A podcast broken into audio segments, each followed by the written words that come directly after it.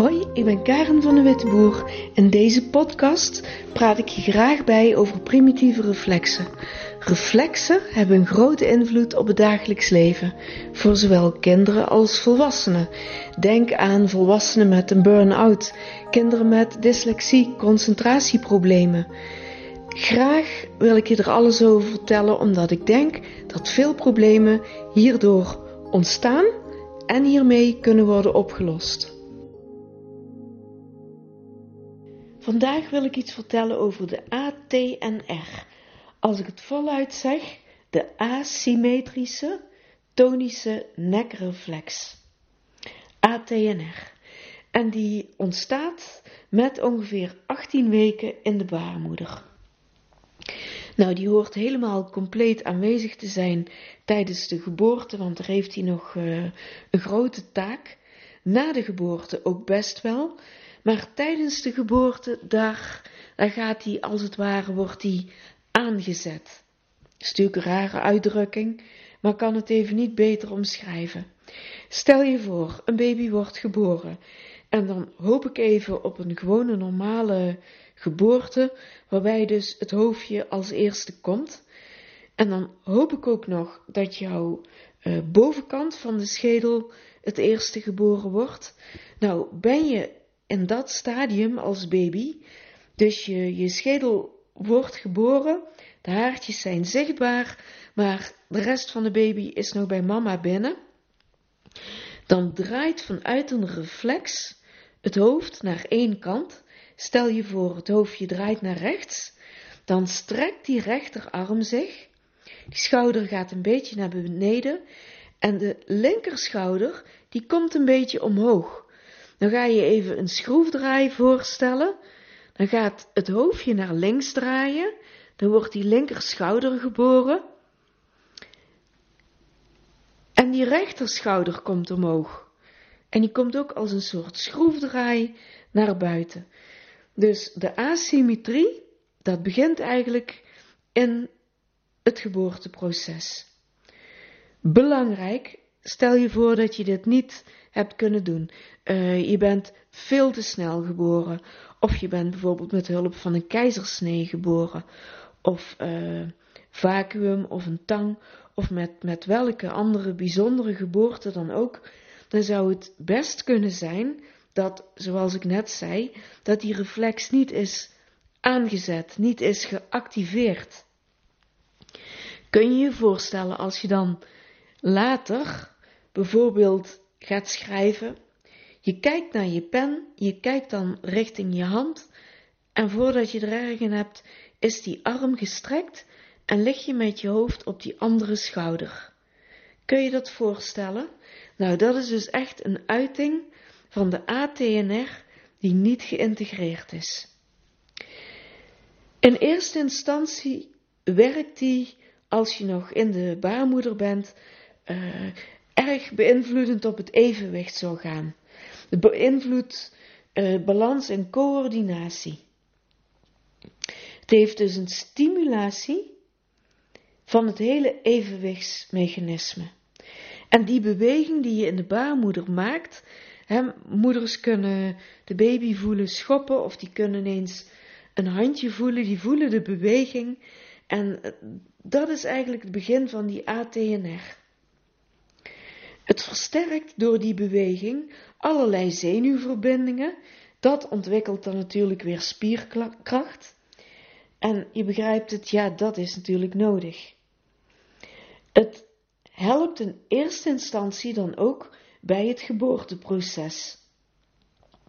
Als die baby nou eenmaal geboren is, en dan hoop ik dat die ATNR heeft mee kunnen helpen, um, stel dat de baby uh, op de buik ligt, dan zorgt die ATNR ervoor dat één armpje strekt, uh, het hoofd draait.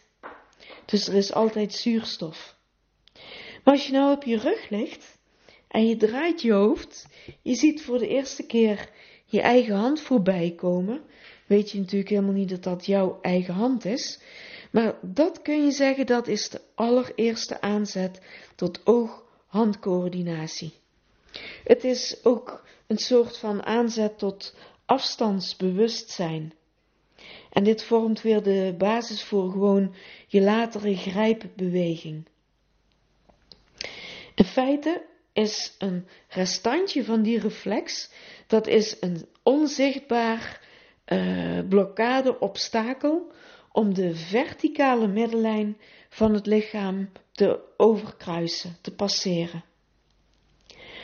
Als je uh, bewegingen wil maken, dus bijvoorbeeld je wil gaan kruipen, dan moet je dat kunnen doen terwijl je hoofd bijvoorbeeld naar je focuspunt wijst. Anders dan zak je of door een arm, of het, het gaat gewoon niet goed met dat kruipen. Dus een evenwichtsprobleem bij het draaien van het hoofd. Dat heb je als die reflex niet helemaal goed heeft kunnen doen wat hij had moeten doen tijdens de geboorte. Hij blijft trouwens uh, na de geboorte zes tot ongeveer negen maanden aanwezig. Maar heb je die reflex niet goed kunnen doorwerken, niet goed kunnen uitwerken, dan, uh, dat zie je bijvoorbeeld aan moeite met huppelen. Balschoppen is lastig. Soms is er zo'n hele houterige, uh, schokkerige, robotachtige manier van lopen. Lastig in de gymnastiek of sport. Denk aan een gooi- of vangbeweging. En je wil misschien met gestrekte arm een bal gooien. Nou, dan activeer je natuurlijk meteen je ATNR, als je die nog hebt. Of je zit op de fiets, je wil over je schouder kijken of er uh, verkeer aankomt. En die arm die strekt zich, dus je stuur gaat bijna automatisch mee. Dat is lastig maar ook in allerlei andere bewegingspatronen, van kruipen, lopen, um, je oren, je ogen, uh, het gevoel van jezelf, waar ben je ergens in de ruimte, dat noemen we ook de proprioceptie. En gewoon die hele coördinatie en alle informatie die daarbij hoort. Het zijn dan bewegingservaringen die worden niet optimaal of die worden verkeerd ingeslepen. Nou, en dat kan dan gewoon een verstoring teweeg brengen, een belemmering voor de ontwikkeling van de andere hersenfuncties, maar ook in cognitieve vaardigheden. He, dus gewoon kruipen op handen en knieën, dat zal heel sterk worden beïnvloed. En je kunt een baby natuurlijk niet dwingen om te gaan kruipen. De meeste mensen van ons weten wel, als een baby niet voldoende gekropen heeft, nou dat heeft invloed op heel veel, op het kunnen leren. Deze reflex, die hoort bij de drie reflexen die uh, wat mij betreft belangrijk zijn voor het kunnen leren. En ik denk dat deze ATNR met stip bovenaan staat. Je kunt ook denken dat um, lateralisatie niet of moeilijk op gang komt als die ATNR jou gewoon nog de basis. Iets pakken met één hand, dat lukt natuurlijk wel, maar een tweehandige taak, bijvoorbeeld je hebt in één hand je papier en met de andere hand moet je knippen, dat is lastig. Misschien ontwikkel je geen voorkeurshand, of geen voorkeursbeen, of oog, of oor. Dan heb je te maken met een gemengde lateraliteit. En door een gebrek aan een dominante kant, dat geeft bijna altijd onzekerheid in bewegingen. Als het ware mis je dan een centraal organisatiepunt in de hersenen. En dat geeft vertraging op verwerken van prikkels.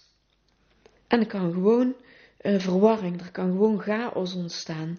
Want je moet elke keer weer opnieuw je midden uitzoeken.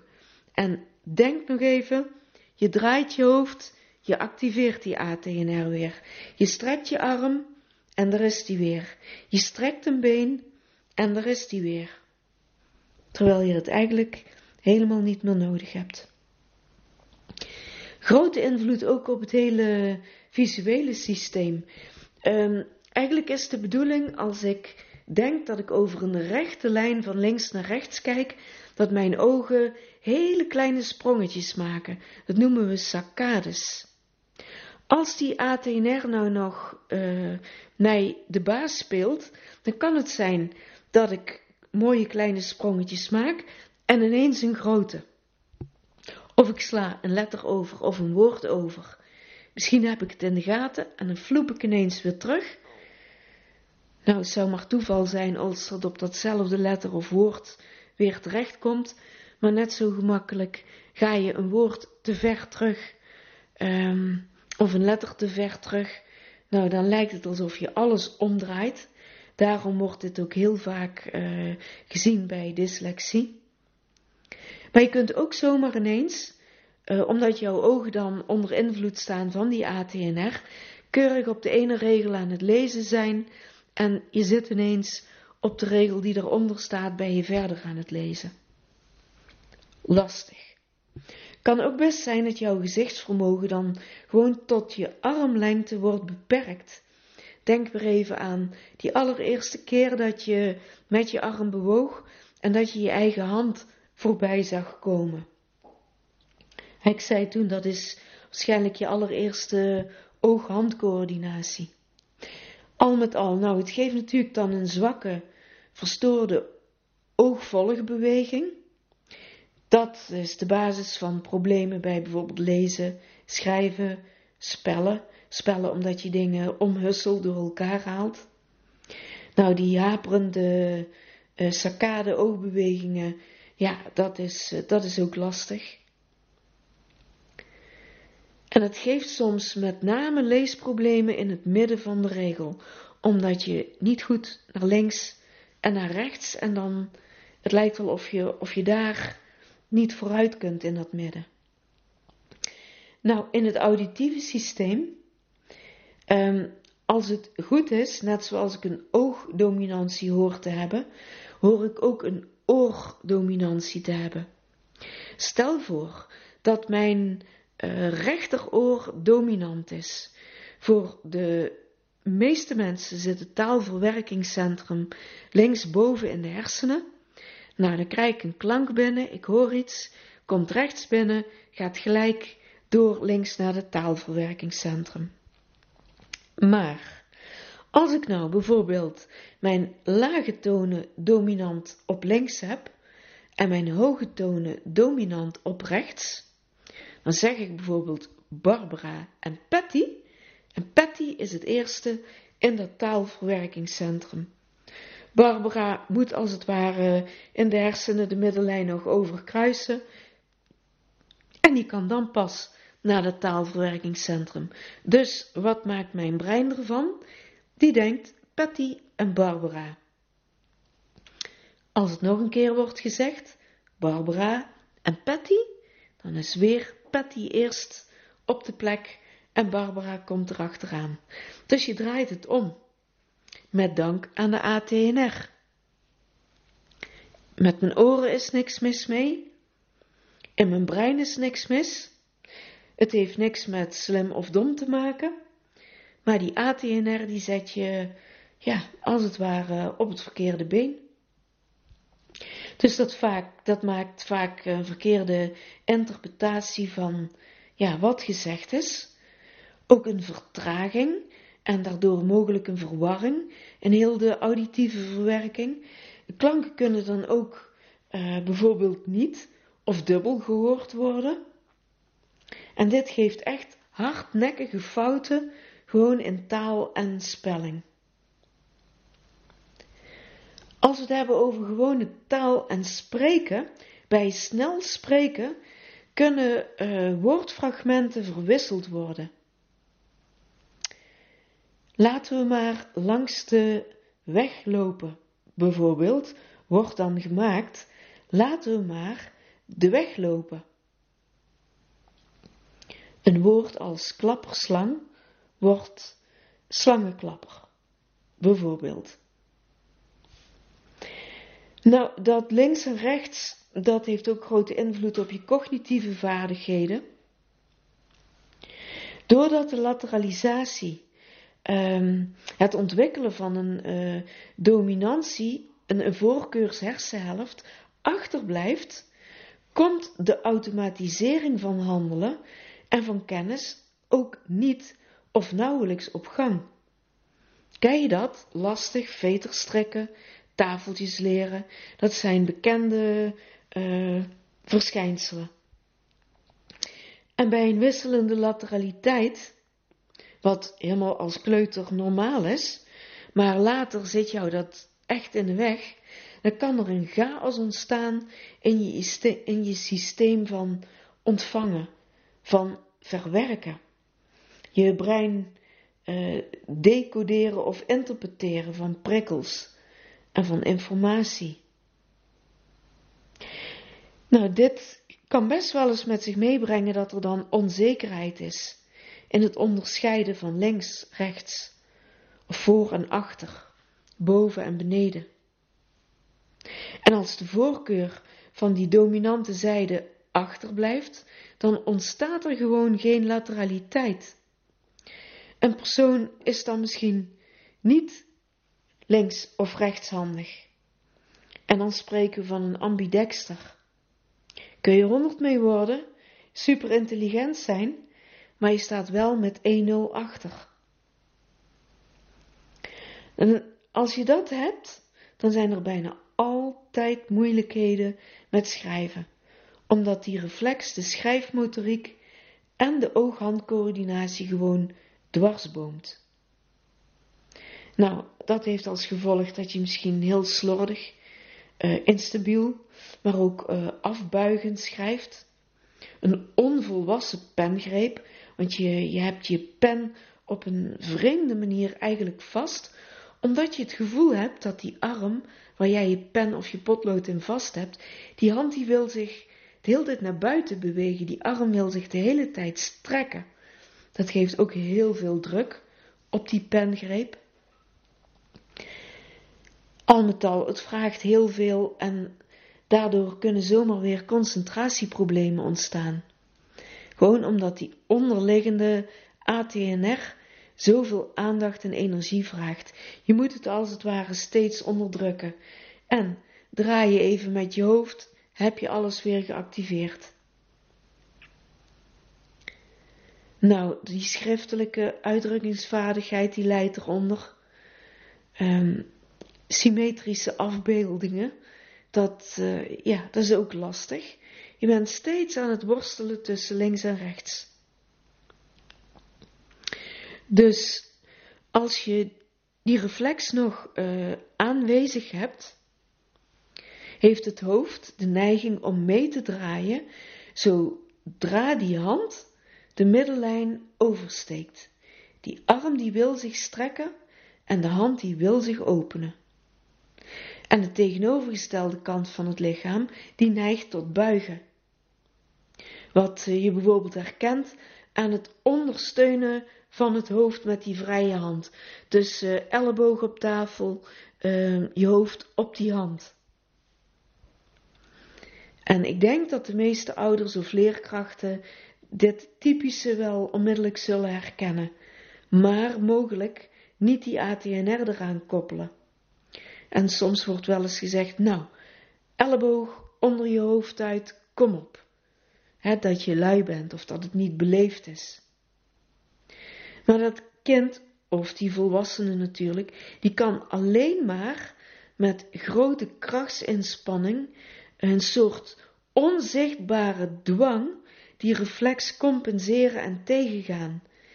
Nou, je begrijpt, als dat heel grote inspanning kost, dat dat ten koste gaat van uh, dat je op moet letten, dat je moet luisteren wat er gezegd wordt en je moet dat dan ook nog opschrijven.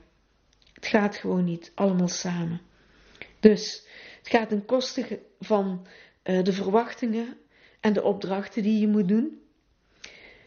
Het vraagt enorm veel energie. Het gaat ook ten koste van je concentratie, van je werktempo. En gewoon even samenvatten, het hele leerrendement. En dat handschrift, dat noemen we dan gewoon slecht, slordig. Geen vast handschrift, een wisselend handschrift. Een ongewone of een verkrampte pengreep. Heel veel druk uitoefenen op die pen tijdens het schrijven. Soms uh, afbuigen van het schrift kan ook nog in wisselende richtingen. Dus de ene keer schrijf je schuin naar links en de andere keer schuin naar rechts. Vaak wordt het schrift schuin gelegd, soms wel in een hoek van 90 graden, gewoon om die reflex te compenseren. En omdat het allemaal zo moeilijk is en niet lukt, is er vaak ook het gebruik van verschillende schrijfstijlen en lettertypes. Het wisselen van bijvoorbeeld hoofdletters en kleine letters in één woord. Het vrij schrijven, bijvoorbeeld een verhaal of een opstel, dat is gewoon moeilijk vanwege de zwakke schriftelijke uitdrukkingsvaardigheid. Je hebt zoveel letterlijk en figuurlijk in en aan je hoofd dat je je verhaal, dat krijg niet bedacht. Dus grote moeite om gedachten en fantasie op papier te krijgen. En dat maakt schrijven gewoon zwaar. Ook weer, deze inspanning zal gewoon ten koste gaan van concentratie. Nou, en het maakt het echt moeilijk om de focus op de verhaallijn vast te houden. Dan kan het dus soms zijn, dan krijg je soms dat er gewoon een groot verschil is tussen schriftelijke en mondelinge uitdrukkingsvaardigheid. Dus jij weet wel wat je moet zeggen, maar ja, krijg het maar eens op papier. Ook nog zodat iemand anders het kan lezen. Nou, en dit kan natuurlijk best wel van invloed zijn als je een toets moet doen. Ik denk zomaar ineens aan een CITO-toets. Want je bent meester in het verwisselen, in het omdraaien, spiegelen van letters en, en cijfers. de B en de D, de P en de Q, een 2 en een S. Vormen van patronen is ook lastig te herkennen. Want je ziet die middenlijn niet goed en dat links en rechts. En dat is te herkennen in het natekenen van die lijnen. Zo'n symmetrisch figuur natekenen, dat is gewoon zwaar.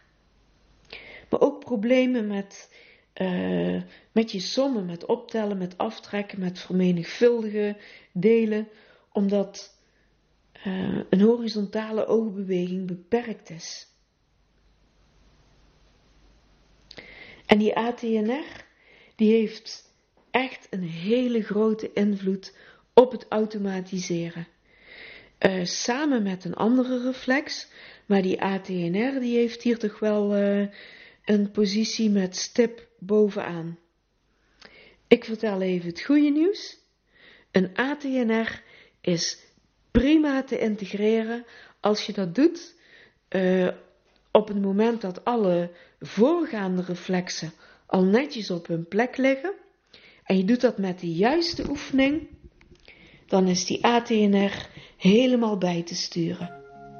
Nou, ik hoop dat ik je wat bij heb kunnen praten over die ATNR. Volgende keer praat ik over de STNR.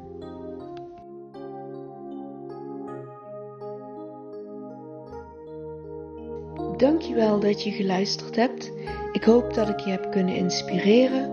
Wil je meer weten? Kijk op mijn website pentacoaching.nl of kinderpraktijkweert.nl. Dankjewel, tot de volgende keer.